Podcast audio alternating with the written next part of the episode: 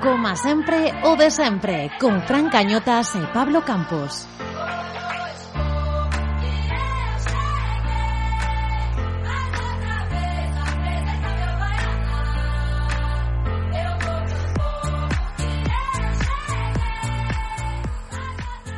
Hola, hola, moi boas señoras e señores Benvidos a este decimoitavo Coma sempre o de sempre No que se fixo pleno. Así é, Fran fin de semana redondo e perfecto en Casa Celta. Pois non agardamos máis, señoras e señores, comeza, como sempre, o de sempre.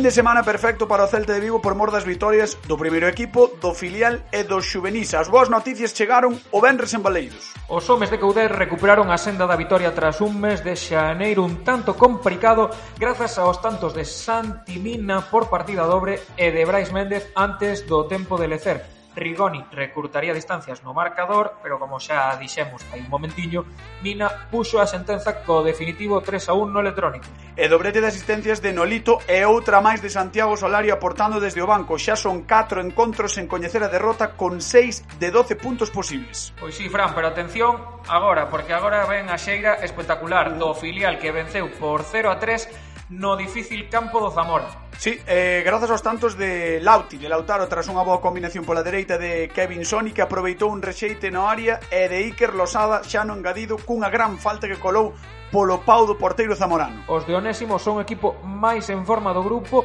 e un dos tres mellores de toda a segunda sí, división sí. B. Eh. Agora mesmo son terceiros con 21 puntos en dous partidos menos que o Compos e o Deportivo. Suman 13 dos últimos 15, de tolos. Sí, completamente de todos. E xa, para completar a fin de semana pletórica ou celeste, o Xuvenil lidera a división de honra con 31 puntos en 12 encontros, dos que gañou 10 partidos. No último venceu por 4-2 ao Ural con cantos de Javi Pereira, Hugo Sotelo en dúas ocasións e pecha o marcador Jesús Ares. Oitava vitoria seguida do Xuvenís. Lembramos que o conxunto do Xuvenil A disputará os 32 avos de final da UEFA Youth League o fin de do 2 e o 3 de marzo en Eslovenia ante Olimpia de Ljubljana. De todo isto, de moito máis, falaremos agora en profundidade no noso tempo de análise.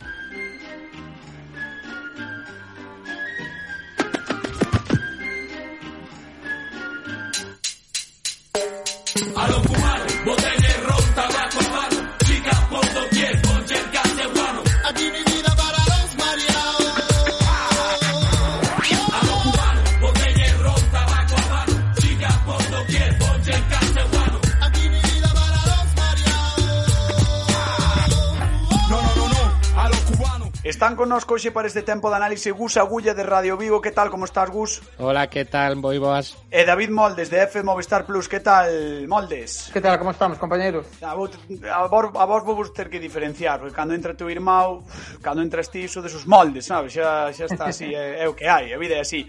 Bueno, eh, antes de nada, xa sei que o partido foi o Benres, porque nos puxeron partido luns, Benres, vai estar unha feira. Que titular vos deixou? Eu supoño que en liñas xerais contentos e, e, e moi res, moi bo resultado do, do Celta, Gus.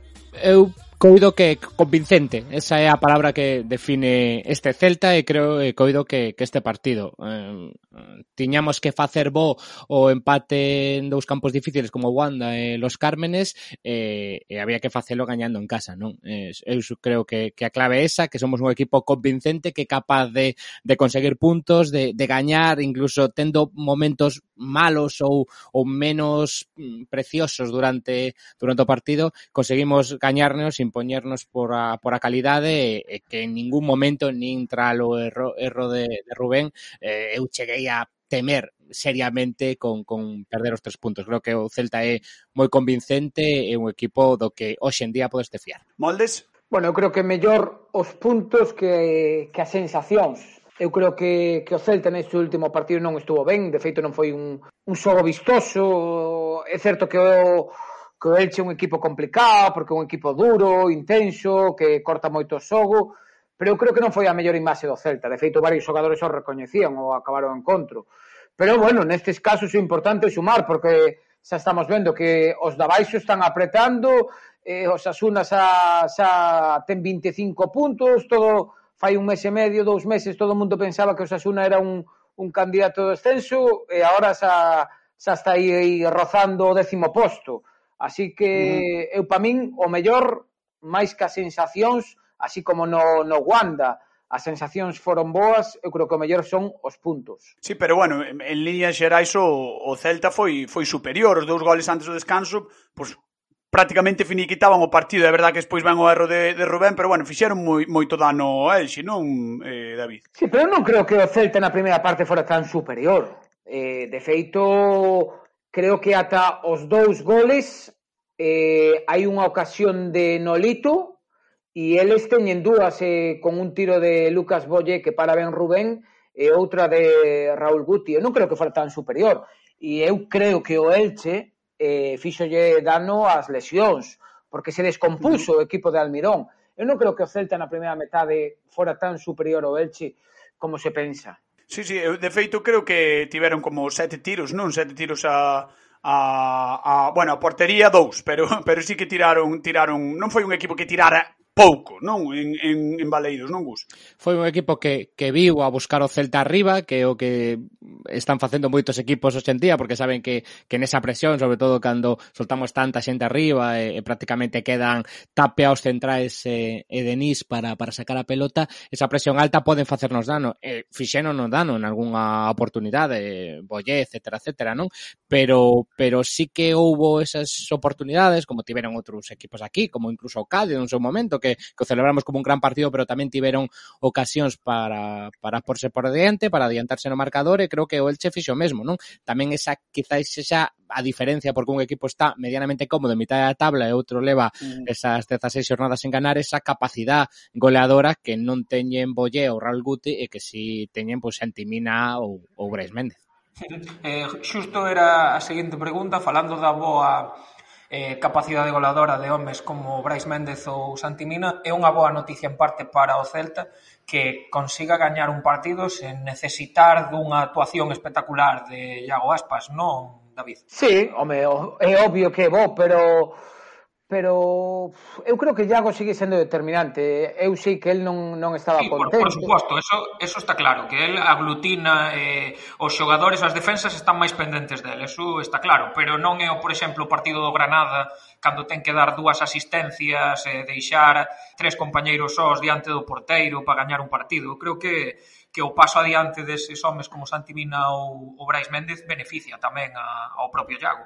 Sí, hombre, é obvio. Sí. E, e, e, el, e el, el, el ao acabar o partido non, non estaba contento coa súa actuación, porque Iago sabe que el vive do gol e el sabe que, que ten que marcar moitos goles para cumplir o, o seu objetivo, o seu desexo de volver á selección. Por iso el non estaba contento, pero Pero eu si nestes últimos partidos volvín a ver un Iago determinante, o vin no, no Wanda, onde foi decisivo, e outro día, malia que al mellor non é o mellor partido de Iago, porque tamén hai que ter en conta o Elche, que é un equipo duro, que, que, que fai moitas faltas, que evita que, que o xogo teña continuidade, pero bueno, el participa to, na, en todas as accións de perigo do Celta, eh, participa Iago. Eu, ao acabar o partido, eh, preguntáballe a, ao míster, a Coudet, eh, pola actuación de, de Tapia, porque porque a verdad que o peruano non deixa de sorprender, outro día outro gran partido.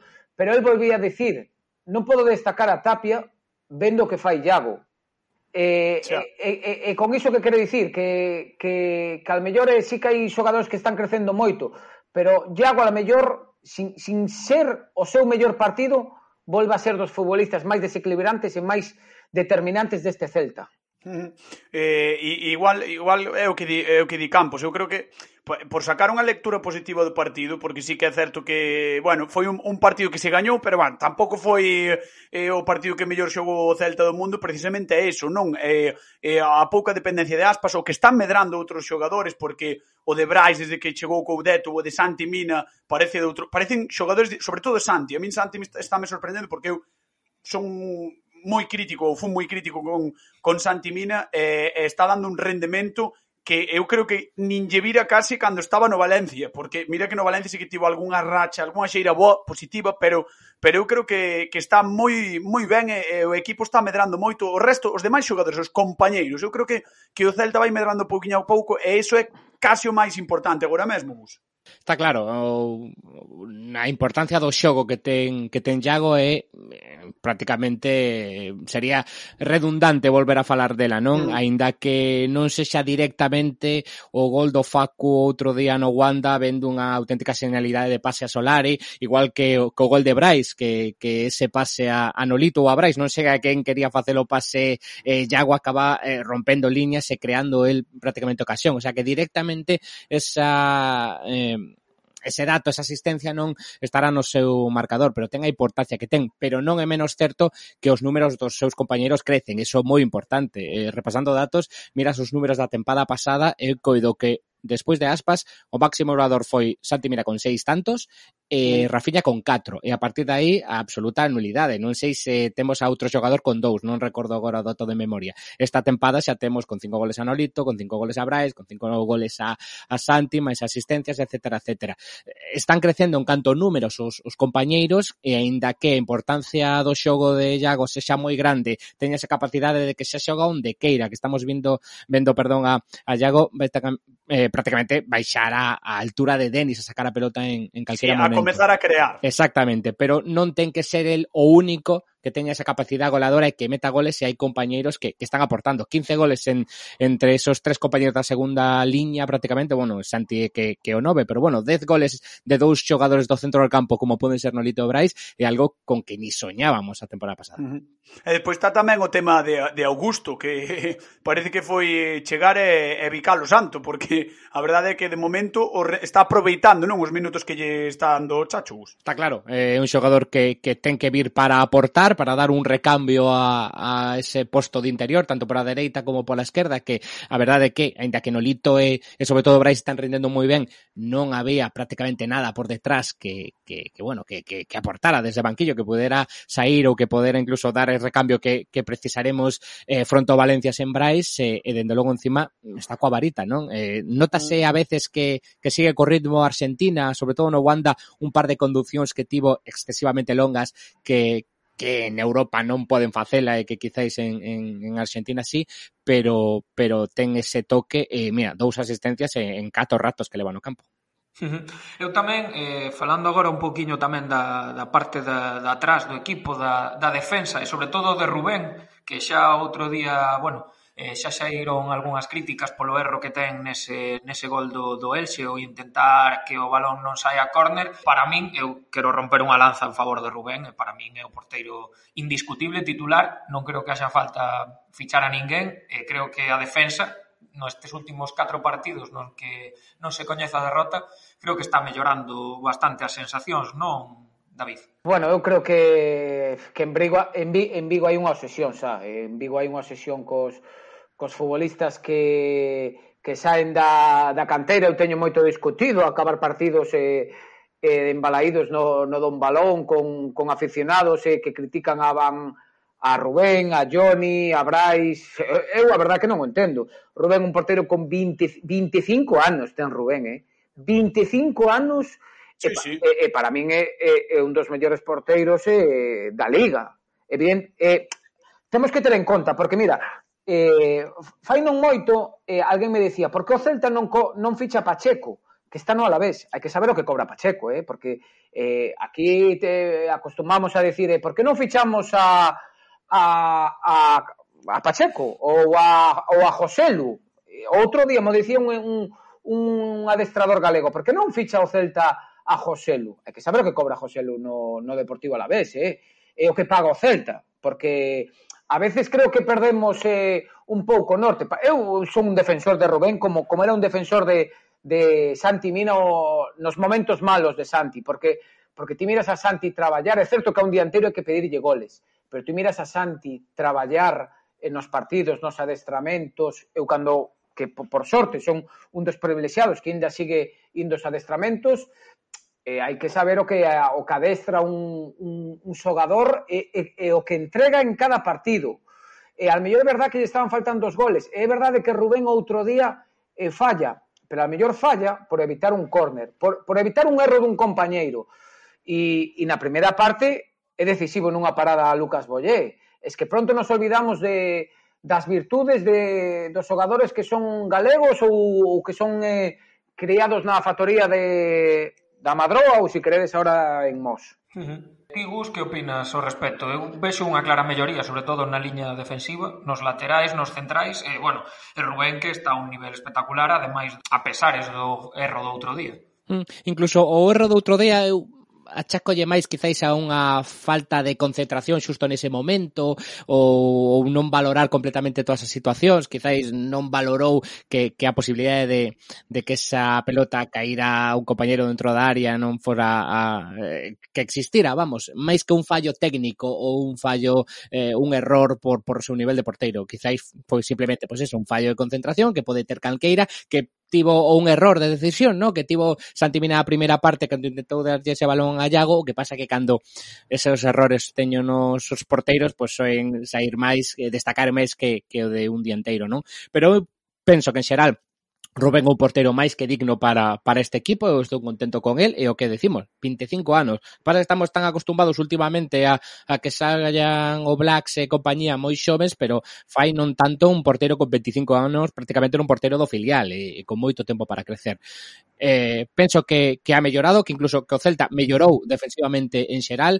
eh, falamos dos centrales, creo que xa moi consolidados tanto Araujo como, como Murillo, defendendo con bastante máis campo hacia adiante de, do que facíamos fai, fai un meses, que eso eh perxudicar aos centrais e sobre todo o nivel dos laterais. Eh, penso que estamos voltando a ver a un Hugo Mayo a grande nivel, eh, un Hugo Mayo que, que quizáis non estivemos vendo durante estas últimas dúas tempadas, eh, tiña pouca fe en que co paso dos anos e dos partidos eh, que vai acumulando nas súas pernas Hugo Mayo ou esta versión do Hugo Mayo moito máis ofensiva, máis chegando a liña de fondo, mm. eh, pudera rendir a este nivel, pero aí está.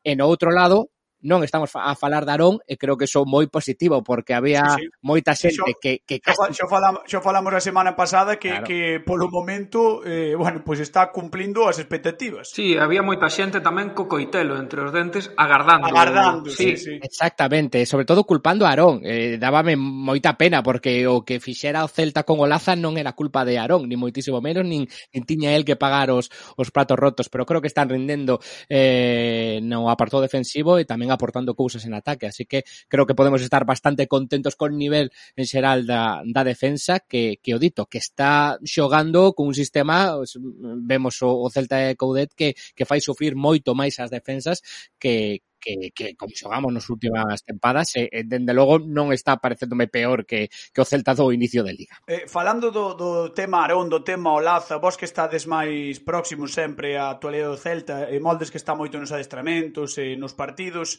Eh, como, como viviches ti ou que, que sensacións tiveches ti eh, con respecto con respecto a isto? Si que crees que había xente agardando a que Arón pois metese a zoca para darlle stop a, a directiva pola xestión do, do caso Laza? No, eu non, no, no, no, non creo que non creo que a xente estivera esperando que Arón fallase. O que pasa é que hai que ter en conta que que Lucas era un, un futbolista moi querido no vestiario, incluso incluso eu sei de, de integrantes do corpo técnico que que, que falaron con el, que, que lle explicaron a situación. Eh, eh, eu, por exemplo, A mí non me pareceu ben o que o Celta lle, lle fixo a, a Lucas, porque xa viña de, de todo o que pasara no verán, no tramo final da pasada temporada.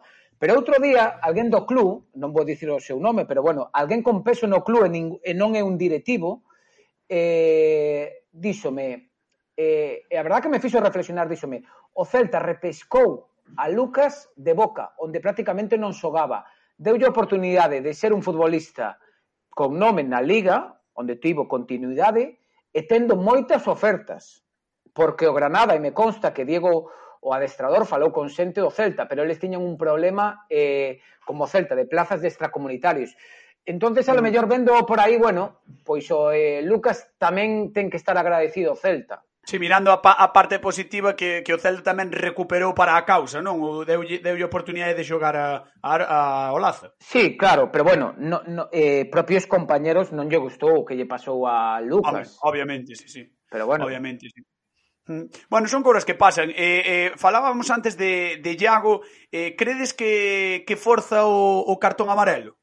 Eu, a ver, vendo o calendario, seguramente Moldes eh, saiba un pouquiño máis, porque igual falou con el máis de preto estes días, pero pero vendo vendo o calendario, a min pareceme que sí. Non sei que opinión te, de, te des vos, Gus, David.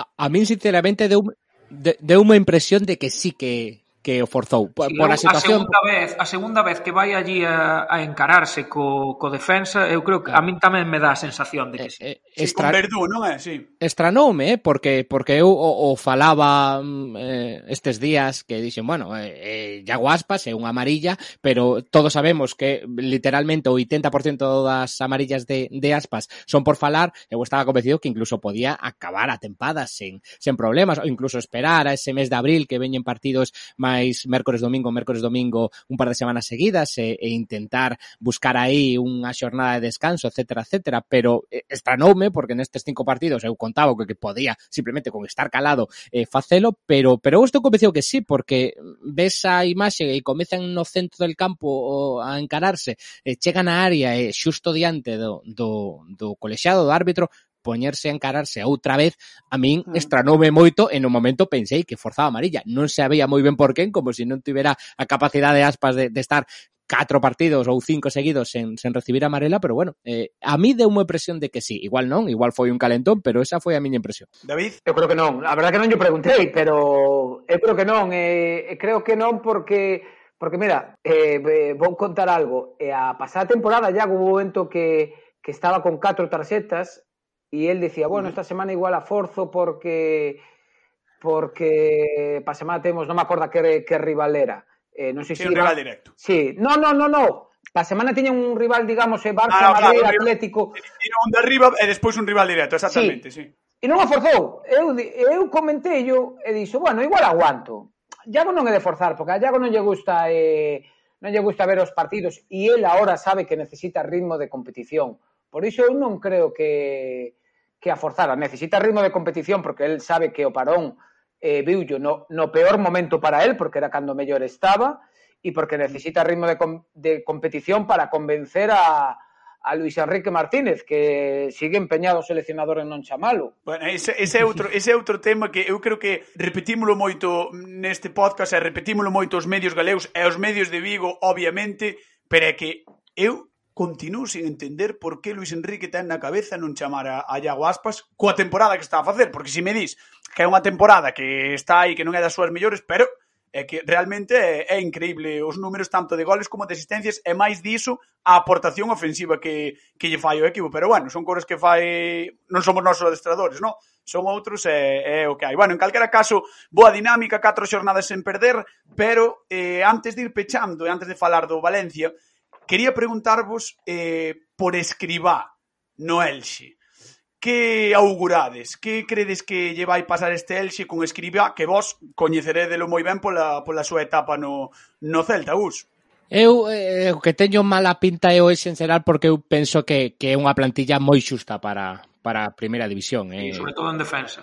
Exactamente, un equipo que xa a tempada pasada subiu un pouco, home, non sin merecelo, nin moitísimo menos, pero as circunstancias foron as que foron, e eh, todos as coñecemos, e, eh, e dende logo, nese momento creo que podía subir prácticamente calqueira, non? E quizáis non era a plantilla máis competitiva para, para ascender, non? Encima tiveron moi pouco tempo para, para facelo, para preparar unha plantilla e por riba de todo, que iso é o que a mí máis me estranou é que con ese pouco tempo que hubo para re, refacer esa, esa plantilla, a directiva tomase a decisión de, de cargarse o proxecto, de, de botar a Pacheta, traer un adestador novo que debutaba en Europa, ainda que eu son moi fan de, de Almirón personalmente, e intentar reconstruir a plantilla desde aí, con moito xogador chegado de fora, non sei, non me pareceu a, a forma adecuada deportivamente de, de facer as cousas, non sei se o, o Elche e a súa dirección teñen outra teoría, outras cousas polas que polas que ver, tal como está o fútbol moderno hoxe en día, pero eu penso que, que a plantilla é, é bastante xusta, ten traballo por diante eh, o bo de, de Escribá, que, bueno, eh, fora de que non foi o adestador co que máis disfrutei, ni muitísimo menos, pois eh, hai que gardarlle certo cariño por, por a tempada que, que estivo aquí, e, bueno, vai ter unha loita bastante eh, bastante difícil porque, aínda que vexo vexo equipos abaixo que, que teñen problemas como o Eibar, que creo que faltalle tamén moita calidad que foi perdendo estos derredeiros eh, anos, perdón, o Valladolid, que tampouco acaba de de arrancar ne moito menos, o Cádiz que, que parece que está perdendo un pouco esa maxia que traía de, de segunda, eu penso que, que da parte de baixa da tabla eh, eh, probablemente a, a peor plantilla, incluso a peor ca, ca do Huesca e, e vai ter bastante traballo por diante para, para chegar os puntos necesarios. Eh, eh, falabas antes do, do Eibar e eh, eh, este, este fin de semana que se, que se enfrontaron ao Valladolid eu estuve vendo o partido eh, non sei se vistes que tuveron certo conflito con o Arellano, incluso se comentou nos medios porque non saudou a ninguén, parece ser, que non saudou a ninguén de,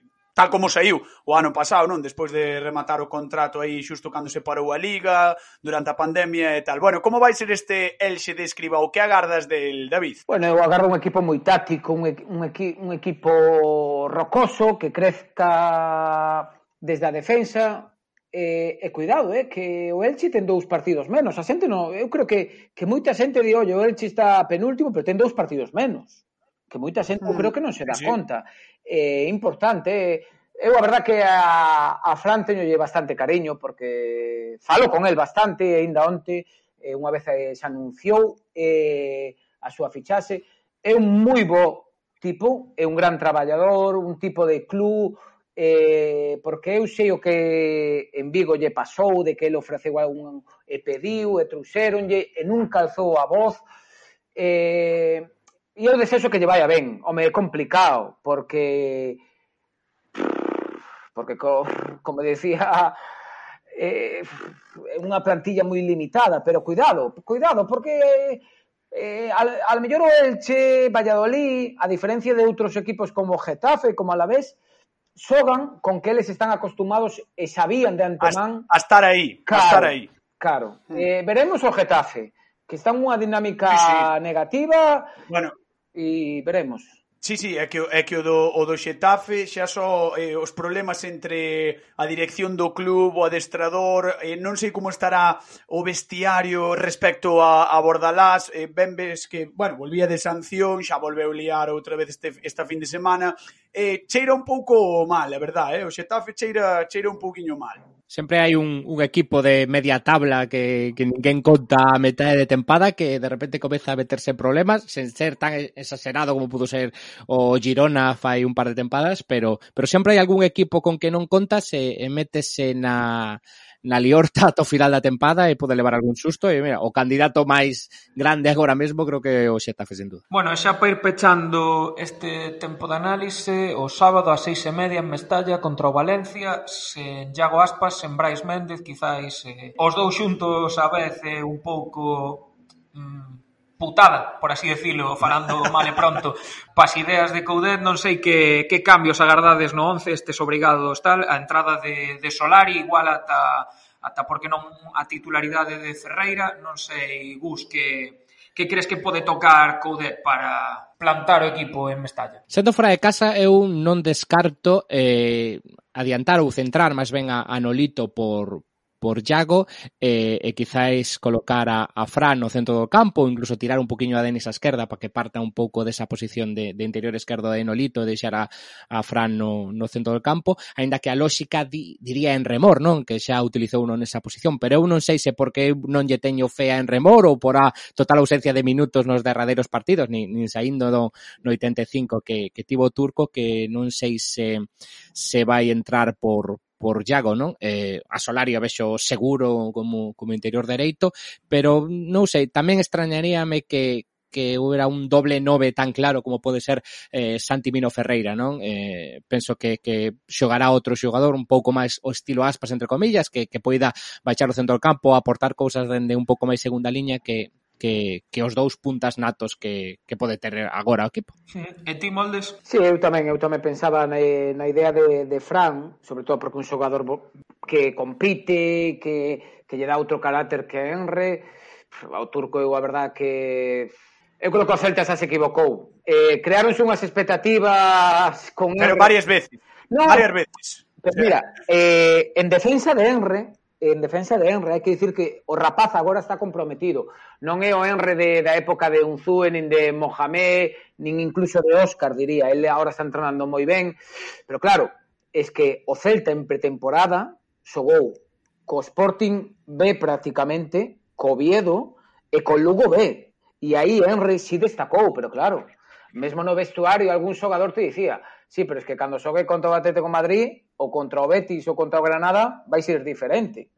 E aí o celtismo se creou unha expectativa, eh, o Celta volve a recuperar a Henry, que o tempo eh, demostrounos que non era así, que é un xogador que, que veremos o que pasa este verán, pero é a última oportunidade que o Celta ten para recuperar algo, xa non digo moito, algo por el.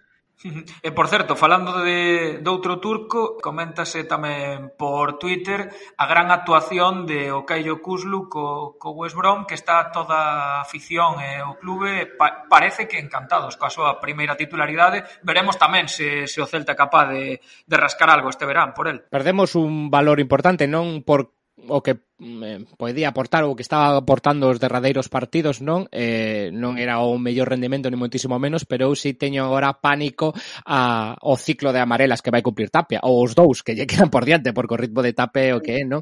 Eh, non me parecía o Kai o, o xogador indicado para esa posición, pero era o relativamente parecido, non? Eh, haberá que, que inventar, ou, ou a ver que inventa, eh, supoño que mellor tres centrais, Coudet, cando, cando falte Tapia, non? Eh, pero xa que perdemos eh, ese valor de aquí a, a final de tempada que polo menos esta cesión sirga para, para revalorizar o xogador, non sei de cara ao, ao próximo mercado ou polo menos recuperado mentalmente para, para aportar neste equipo, non? Non mirei o partido, pero sí que falan ben del, eh, é un equipo que, que vai ter complicado manterse eh, na Premier League, pero pero si sí un equipo que, bueno, que vai a xogar un pouco máis arropadiño, eh, sen tantos metros por detrás e con esa capacidade física que ten el de romper líneas, de, de en conducción, de batida, un xogador físico que pode virlle ben a Premier e, e o Gallá eh, destaque ali e poida, pois o dito, ou recuperalo para a causa aquí a, a tempada que ven ou polo menos abrir de cara de cara ao exterior o mercado de, de Ocae se el non quere estar aquí o Celta tampouco parece moi pola labor de que de que estea, pois que, que cheguese un acordo productivo para todas as partes o verán que ven. Mm. Quedábanos aí un apunte de moldes e moitos cambios de cara a Mestalla, David. No, eu creo que no, eu creo que no. Eu creo que os obrigados, os obrigados. Os obrigados. E punto, e na máis. Sí, bueno, pois, pues, perfecto. Moitísimas grazas aos dous, eh, tanto a Gus Agulla como a David Moldes por estar neste tempo de análise de como sempre o de sempre. Xa sabedes que esta é a, boa casa, a vosa casa e cando queirades podedes pasar por aquí de novo. Grazas, rapaces, unha aperta. Veña, unha aperta. Outra, gracias. Chao, chao. Iba oloro, iba olofin, ache oloro, fifun oloro, aguanio, dudu, arena. Venga, venga, me dijo. El día que no pudiera, me consultara con el brujo, me va balado con la santera. Hay un son, hay un flow, hay un son que se oye en La Habana. Hay un son, vengo de La Habana chapeando bajito, bailando en el tiempo sin clave ni nada. Vengo con mi negro bolero, perro soltero, palero con guerabagua.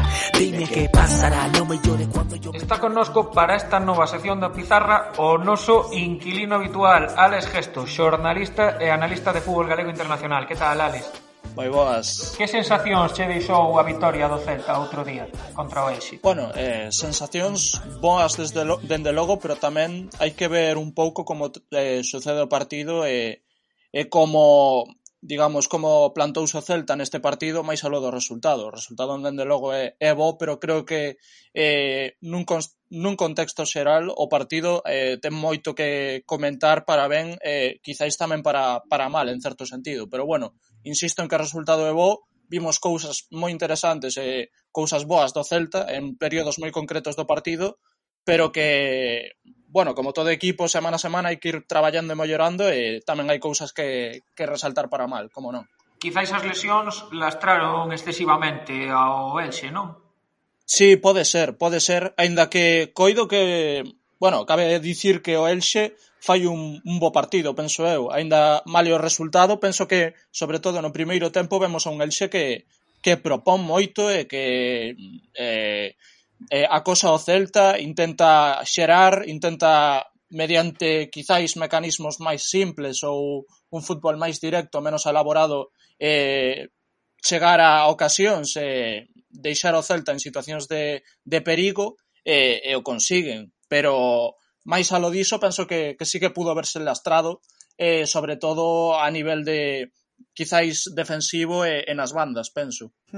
Eh, estaba mirando por aquí que eu creo que eh, vimos maior equilibrio, non, no equipo, un, un conxunto bastante bastante ben equilibrado, eh, algo que falamos xa antes na, na no tempo de análise, defensivamente correcto, a pesar dese erro que, bueno, que é un erro eh, que ten Rubén, pero bueno, un, un, un equipo moi equilibrado e correcto. Sí, dende logo, eh, sobre todo eh, é interesante o que dis de equilibrado porque pareceme a mí tamén que que o Celta non non sufre nese sentido, que o equipo apenas rompeu nen, nin tuvo problemas a, a hora de, de ter eso, eh, unha sintonía entre líneas, un, eh, unha xestión de espacios boa, eh, especialmente nese primeiro tempo no que o Elxe intenta intenta tanto xerar e mediante ese xogo directo pois pon en certos apuros eh, por momentos a Celta eh, vemos tamén que, que o equipo eh, como noutras xornadas en casa xa máis propias de, dos primeiros partidos de Coudet pois non racha, senón que chega con bastantes homes ao seu propio campo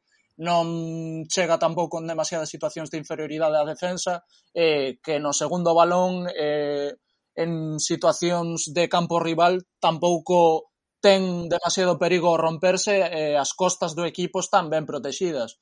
Eh, nese sentido, Celta sí que non, non, non creo que tivera demasiadas eh, fallos máis aló do, do que foi o gol, porque o gol sí que é un fallo importante, pero pero bueno, nun xeral sí que se pode falar ben do partido do Celta e estou bastante de acordo con, con iso. Outro clinic de Tapia. Home, é que estamos a falar dun, dun xogador que o máximo recuperador da liga e no, e por méritos propios, polo que lle pide o esquema, pero además é que ele está a responder eh, dunha maneira magnífica. O el xa había momentos en que estaba, xa non falo en situacións de contextos de fase posicional ou fases normales do xogo, senón que igual en situacións de eh, balón parado, como poden ser saques de banda ou, ou corners, xa el, eh, che gana un, dous, tres, catro, cinco balóns, eh, rexeita os balóns cunha facilidade tremenda. É eh? un portento eh, o Celta está a aproveitar moito a este xogador, como digo, esta temporada está a ter un rendemento espectacular eh, e Tapia nesa idea é brillante e necesario. Campos, eh, eh, olvidámonos antes de preguntar na, no tempo de análise, pero cantas noivas vai ter Tapia do que queda aquí a final de temporada no verán, eh? Sí, é porque que seguramente, eu vexo que encaixa en prácticamente case todos os equipos. Sí. Claro, é que encaixa en calquer equipo, calquer sistema, o sea, é o, o, o típico xogador, e eh, se non corríxeme se me equivoco, Alex, que lle gustaría a calquera adestrador ter. Sí, eu, eu creo que sí, porque ao final esa dose de traballo e capacidade para equilibrar que ten poucos xogadores son capaces de, de tanto, ou polo menos no estado de forma no que está o peruano. Sí que mm-hmm. coido que igual eh, o que lle podería fallar un pouco, pero nada, eh, un chisco, que sería ter máis eh, solidez e, eh, digamos, liderazgo e eh, capacidade de xeración con pelota. Se fose un xogador con pelota, que non é malo, se fose un xogador cunha capacidade maior, que fose máis eh, capaz de aglutinar ese, ese balón e esa posesión, estaríamos a falar dun xogador igual, non sei, igual para élite, perfectamente daqui a tres anos vista, por exemplo, pero bueno, isto son cábalas, eh, a día de hoxe o que estamos a ver é que Tapia é un especialista a nivel defensivo, eh, coido que calquer equipo de, de primeira podería querer a un Tapia no seu equipo, dende logo dende logo. Uh -huh. Falamos agora un pouco de esa menor dependencia, entre comiñas, que pode ter o Celta en relación a, a Iago Aspas, xa que hai outros xogadores como son Santi Mina ou Brais Méndez que ou Nolito que últimamente veñen xogando moi ben, que están asumindo galóns, que están tendo acerto de cara a portería, que iso é importante. Lía eh, outro día que dende a chegada de Coudet creo que Aspas, Mina e Brais son os máximos goleadores do equipo cando antes era Iago en solitario e o resto pois tiñan un gol ou Iago dous. o segundo Iago. Si, no, hubo, hubo un momento na temporada na que Iago era o pichichi do Celta con sete goles e o segundo máximo goleador era Carreira con un. O sea que sí, sí, imagina, sí. imagina como era. Entón, a miña pregunta vai por aí, se ti crees que, que esta menor dependencia de aspas é beneficiosa para o equipo, obviamente, que non necesita dun aspas superlativo de 10 de matrícula de honra para poder gañar partidos. Eh, eu penso que aspas aínda que non interviniese tanto no partido, segue a ser un xogador importante, senón imprescindible, isto sabémolo todos. Pero sí que é certo que con Coudet non está tan exixido a nivel de, de tenencia de balón e de, inter, eh, de intervencións con balón como estaba antes.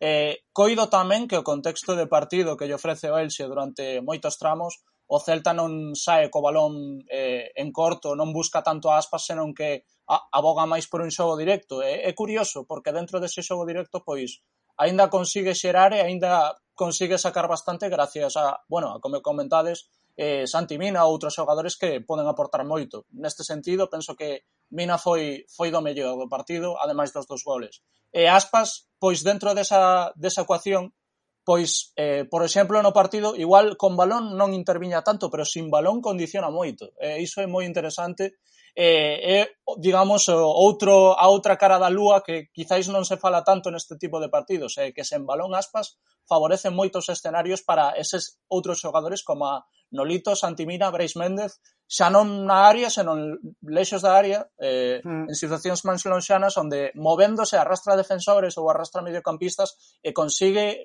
máis ou menos pois condicionar ou que o rival teña que ceder certos espacios para que outros xogadores poidan aproveitar. E penso que... Eh, fala, falando, falando de, de, de, de ter a pelota, de, de, tamén de xogar sen pelota e demais, eu creo que algo bo que está facendo Coudeto, algo, algo que me está a gustar do Celta, é o habitual que é ver a xogadores celestes en área rival, xa non en área rival, sino en campo rival, a paciencia a hora de, de construir a tranquilidade como que non xogan tan agarrotados, non? Non, non, está, dende logo teñen as cousas moi claras. A mí eso é algo que me, que me gusta do Celta. Eh, para, para o Bob e para o malo, é eh, que vens, eh, digamos, con pelota, intentan tela, intentan progresar, intentan buscar unha saída, non lles queima, non lles queima o balón, pero se non poden ter esa opción, non dubidan tampouco en apostar en largo ese, por exemplo, en encontros como anterior, como a contravimos contra o Elxe, pois se atopan a un Santi Mina atinado, se atopan un contexto ofensivo no que Aspas poida asitar algo, no que Brais poda axudar incluso, e no, no que Rubén Blanco os centrais podan ofrecer vos balóns en largo, eh, mm. que o equipo equilibre e chegue ben aos segundos balóns, pois teñen esa vía tamén para salir e para crear eh, eh, ocasións. Eh, penso que o Celta nese sentido ten sempre as ideas moi claras, saben moi ben ao que xoga e saben cales son as súas alternativas ou os seus métodos para poder chegar a campo rival. Uh -huh. eh, falando tamén un poquiño dese do que comentabas, do papel de Mina, de Brais e de, da acumulación de homes arriba, tamén está a ter eh, uns bons minutos Nolito, a pesar de estar cuestionado polo tema... A todo isto, iso, iso, polo iso, tema iso, iso físico, non? Sí, sí, iso che dicir eu, que xusto estas semanas viñamos falando no podcast e veuse falando moito no entorno que ou na, na prensa que rodea o Celta, de se Nolito podía acabar no banco en detrimento de Augusto se ia haber trocos, E Nolito, este fin de semana, dúas asistencias e non marcou porque Dior non quixo. No, un espectáculo. Eh, isto xa, xa o teño comentado, xa, xa o temos comentado noutras ocasións, eh, eu son, digamos, eh, estou un pouco eh, a medio camiño entre ambos bandos, se vera, pero digamos que comparto cousas de ambas opinións. Eh, en primeiro lugar, sí que penso que Nolito, e isto sabémolo todos, porque ao final é un xogador que sempre foi eh, moi de tres cuartos moi eh, enfocado a zonas da área a dar lugar a cousas preto, preto da área, lonxe dela tanto en aspecto defensivo como ofensivo, xa nas saídas, na progresión de balón, nos desarrollos, non ten tanta intervención e físicamente non se lle pode exixir tanto como se lle pode exixir a un Brais, por exemplo, que a nivel defensivo traballa moito, a a Tapia mismamente, a Solari, a calquer mm. outro tipo de xogador que ubique esas posicións, mesmo a Desnis pero logo en tres cuartos estamos a falar dun xogador que aínda que eh, teña máis anos ou menos, segue a ter un instinto e segue a ter unhas capacidades para dar lugar a cousas que outros xogadores non teñen, eh? e iso se o Celta consigue que en detrimentos de perder algo de físico poidan manter ese, esa garra en riba, pois ao final dá lugar a isto ou a goleadas como a do Cádiz, que foi un 6-0, ou goleadas como as que tivo na primeira volta. Eh, no Lito, cando o Celta é capaz de, acent, eh, de asentarse en campo rival preto da área, dá lugar a, a cosas, cousas moi interesantes, xa se xa goles porque un xogador que ten bo golpeo, que ten bo posicionamento na área, ou asistencias como demostrou onte, porque onte ataca moi ben os espacios, está moi ben posicionado sempre para recibir e para poder xerar cousas. E as dúas asistencias que dá, vamos, é que lle deixa prácticamente os, os goles aí fabricados eh, para que Mina remate. E puderon ser tres e Mina non, non hubese tido ese erro que, que tivo tan, tan flagrante, pero vamos, que estamos a falar de que o Celta eh, contra o Elxe, os goles que xerou prácticamente todos foron de ocasións claras. E xa para ir rematando esta pizarra, falamos agora do futuro inmediato do Celta, o partido contra o Valencia en Mestalla o sábado que ven ás seis e media da tarde. Coudet non poderá contar nin con Iago Aspas nin con Brais Méndez por cumprir ciclo de amarelas. Nos falábamos antes no tempo de análise que Augusto Solari parece o home que vai entrar eh, 100% no 11 de Coudet o sábado, pero xa tiñamos máis dúdas quen pode ser o, o segundo que supla tanto ou a, o a Iago ou a Brais. Non sabemos se poderá adiantar a Nolito e, e entrar Fran Beltrán ou se podería xogar con, con Augusto Nolito e, en remor. Bueno, Que, que opinas ti? Que crees que vai facer Coudet en Mestal? Pois tampouco teño moi claro. A verdade é que non, digamos que eh, o que viña facendo Coudet ata agora, que era o, o cambio quizáis máis evidente nesa tesitura concreta, é que cando non estaba aspas, adoitaba meter a Brais ali. E claro, agora que non está Brais, requerirá eh, empregar outro xogador. Pode que sexa Mor, por exemplo, eh, xa o, o usou, por exemplo, contra outros equipos por aí, eh, aínda que non é o mesmo que Aspas, ni moito menos, eh, é un xogador que eh, bueno, ten moito traballo sobre todo con balón e eh, de xeito individual intenta xerar espacios, pois pode ser un, unha variante interesante e eh, tamén podería probar se cadra, como comentades, pois Anolito por dentro, pero eu mm. penso que máis tirará por un perfil como a Baeza, Mor, incluso Beltrán se cadra, que mover algún dos xogadores que, que ten no once inicial e, e poñelo nunha posición que non adoita ser a súa, verdad? Solari parece parece que sí, que, que é un fixo para entrar no once a semana que ven. Sí, eu, eu a Solari xa, xa o daría tamén por, por sentado que vai xogar por ali porque eh, máis alá de que esa sexa a súa posición eh, que con Coudeta eh, cando estivo noutros equipos pois era un fixo nesa posición e eh, onde está a xogar no Celta, aínda que sexa dende banca eh, nesa posición, pois ademais penso que está tendo boas participacións eh, non só a nivel numérico, senón de sensacións e de xogo e pode ser un xogador que aínda que sexa un perfil distinto a Brais Méndez, pois amoldase ben co plan de Coudet e pode aportar cousas moi interesantes. Eu, a verdad é que dentro da mala noticia que perder a Brais, pareceme que o, a titularidade de Solari pode ser moi interesante e pode aportar eh, un, un, un perfil distinto, eh, un, un registro distinto de xogo eh, e, e dendo logo creo que a oportunidade de ser titular ia merecendo tamén para probarse, para dar descanto só a outros xogadores. Neste caso é por ciclo de amarelas, pero vai ser interesante ver ver a Solari pois funcionar durante 90 minutos ou 60, 70, os que sexa. Pois, Alex Gesto, moitísimas grazas por estar na pizarra do Coma Sempre de Sempre, sempre é un placer escoitarte. Nada, a vos, un, un placer escoitarvos a vos tamén e, e a compartir, e compartir estes ratos con, con, bueno, con programa e, e con seus integrantes. Seguiremos, seguiremos compartindo ratos e momentos contigo. Moitísimas grazas, Alex, unha aperta. Nada, unha aperta vos tamén.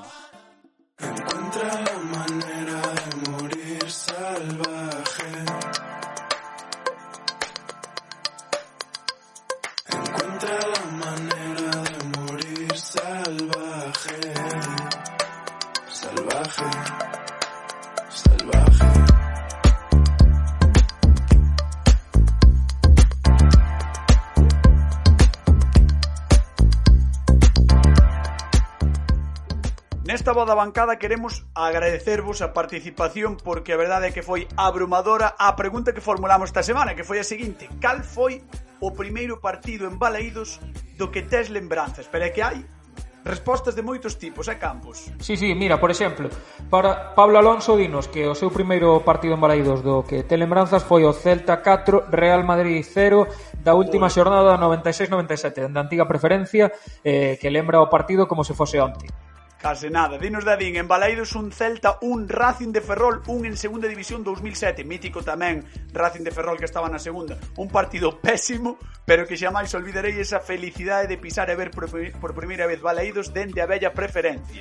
Dinos Balaídos 79 que non o ten eh, moi claro, pide axuda, di que se acorda ben do, da homenaxe al velo, pero non sabe se foi antes ou despois, eh, foi un, un Celta 0 Español 0. Vixe Celta que nos di Celta 1, Zaragoza 0, gol de Goodell ano 93. Boa, tiñe un ano, tinda non nacer ese oh, campo. Que, va, eu son do 95. eh, Vigus 87-88, un Celta Burgos na grada de gol no, no finales dos, dos 70. E tamén Mima. o partido de España a Holanda cando marchou a luz. Que frío pasei, di. Mima, esta xente xa é moi moi pro, eh, pa nós. Nico Galia, Galianes, dinos. Primeiro que fun Celta Barça de Maradona e Schuster o 4 do 1983. Primeiro que lembro Celta Deportivo, Celta Coruña pon el playoff de ascenso 1987. Uf. Radio Disque dis que eu o primeiro partido que teño no recordo foi no ano 1961 prácticamente wow. eh, o meu pai acababa de nacer, Fran. Sí, sí, e meu pai ainda non nacera, meu pai é do 62, así que imagino. No partido de promoción contra Oviedo 2-2 e houbo bronca por non ascender. Ostras, e día, e o recordo foi porque o Oviedo saiu de azul e trocou as camisolas onde estaba a estatua de, de Manolo Bar donde saían os xogadores como agora. Buah, que curiosidade. Dinos Víctor Alonso, Celta 3, Xetafe 0 en segunda fai moitos, moitos anos. Dinos Garea, temporada 87-88, Celta 0, Logroñés 0. Mm, dinos Berto, 19 de outubro do 97, Celta 1, Valencia 0. Raúl, 0-1 que perdimos contra o Madrid saindo Mostoboy dende o banco. Locobox, Locobox, que, que bo nome. Celta un Atlético, un temporada 94-95, un día frío e de chuvia inolvidable. Galitras no, dinos que o seu primeiro partido en Baleidos foi ollo contra o Sevilla de Maradona. Bueno, eh, podía especificar un pouco máis, eh, tamén só nos pongo contra o Sevilla e Maradona. Lola Lago, temporada 91-92, primeira xornada Celta 3, Lleida 0, dous goles de Gudel e un de Salinas. Aitor, Celta 3, Villarreal 1 no ano 2002 se máis recente. El Colla Celta 6 Xetafe 0 maio do 82, dous hat-trick, un de Pichi Lucas e outro de Nene Suárez. Mitazo Pichi Lucas. Mima. Novo Gonzalvo. Celta 1, Barcelona 3 na 96-97. Non comezou con bo pé o asunto. No, no. A fouteza dinos Celta 2, Español 2, gol de Alexo, de Alejo no, na 96-97. Buah, que temos moitísimas, eh, Fran? Sí, sí. Peixo, 87-88, Celta 2, Real Sociedade 0. Gali Aspas, Celta 1, Alavés 1 no 2000. Jorge Paz, un mítico mítico tuiteiro e amigo do, do podcast. Celta 2, Real Madrid 2 1978 Ademir e oh. Castro marcaron contra o Madrid de Juanito Santillana Pirri É del Bosque. el Duri, temporada 70-71, Celta 2, Sporting 0, goles de Juan. Foi a temporada da clasificación por primeira vez á Copa da UEFA. Ese ano non vimos perder ao Celta en Baleiros, mi madriña. É eh, que estas xa son espectaculares. Eh? Antón Blanco, Celta 1, gol de Mostoboy, Málaga 0 en novembro do 2000. E ollo, Fran, e despois xente que foi a Baleiros por primeira vez e non foi para ver o Celta, como por exemplo ah. Jairo Ser, que foi a Baleiros foi con seis anos a ver un mítico oh, Italia-Camerún Italia, Camerún. do Mundial de 82. Que guai, socio de Río que nos di Por desgraza non foi do Celta a primeira vez que o meu pai me levou a Balaídos Foi nun España-Portugal no 93 Buah, e ti Campos Pois eu, eh, eh eu, a primeira record, vez, eu a primeira vez que, que fun a Balaídos E que me lembro foi un Celta 2 Atleti de Bilbao 3 no ano 2001 no que o Celta ganaba no minuto 81 2 a 0 no, e rematou perdendo no. 2 a 3 Pois eu non teño non teño recordo así da, da, da primeira vez que fun a Baleidos, pero teño moito recordo de de un partido de Copa do Reino na, na 2009-2010 ou así contra contra o Atlético de Madrid, non sei se recordas un gol de Forlán. Home, quedáramos partido... un, no, no partido de ida, sí, no partido de ida, sí, no sí, de volta sí. aquí en Baleidos 0-1 cun gol de Forlán no minuto, non sei, 20 pico por aí de partido debía ser Ademais fora era un partido, porque o Celta creo que viña de, de eliminar o Villarreal, non? Pode sí, ser. fora o ano do oh. que eliminar o Villarreal e fora o tacón de, de aspas con, con Pichu en, Exactamente. no Calderón sí, sí. e na volta fora cando José Lu mandara un balón ao pau tamén o, sí, sí. o final sí, sí, que, que, que grandes que recordos eh. que grandes recordos bueno, pois pues mira, para isto tamén serve a, a voz da bancada para recordar bellos tempos da afección celeste rematou a voz da, da bancada pois temos que marchar a previa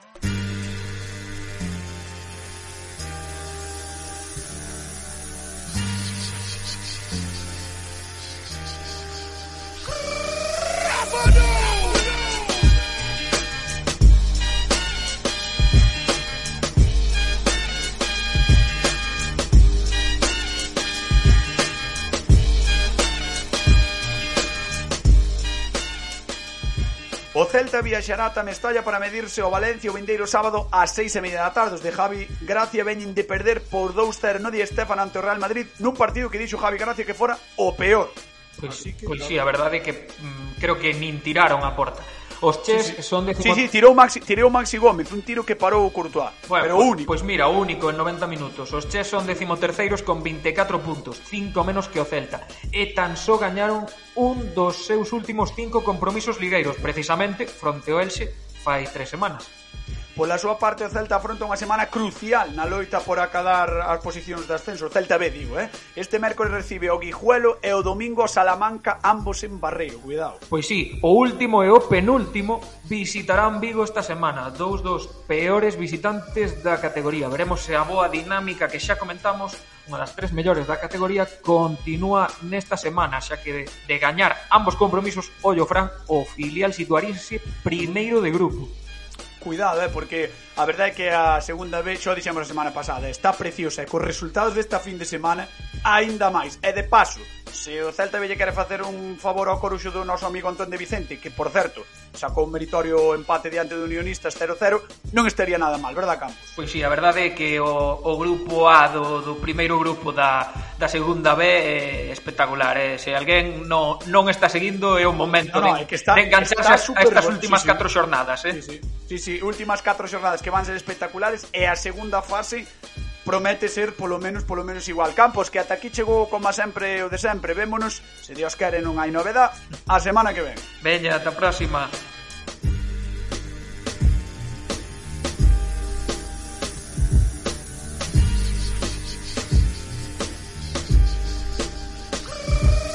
Como sempre o de sempre, con Fran Cañotas e Pablo Campos.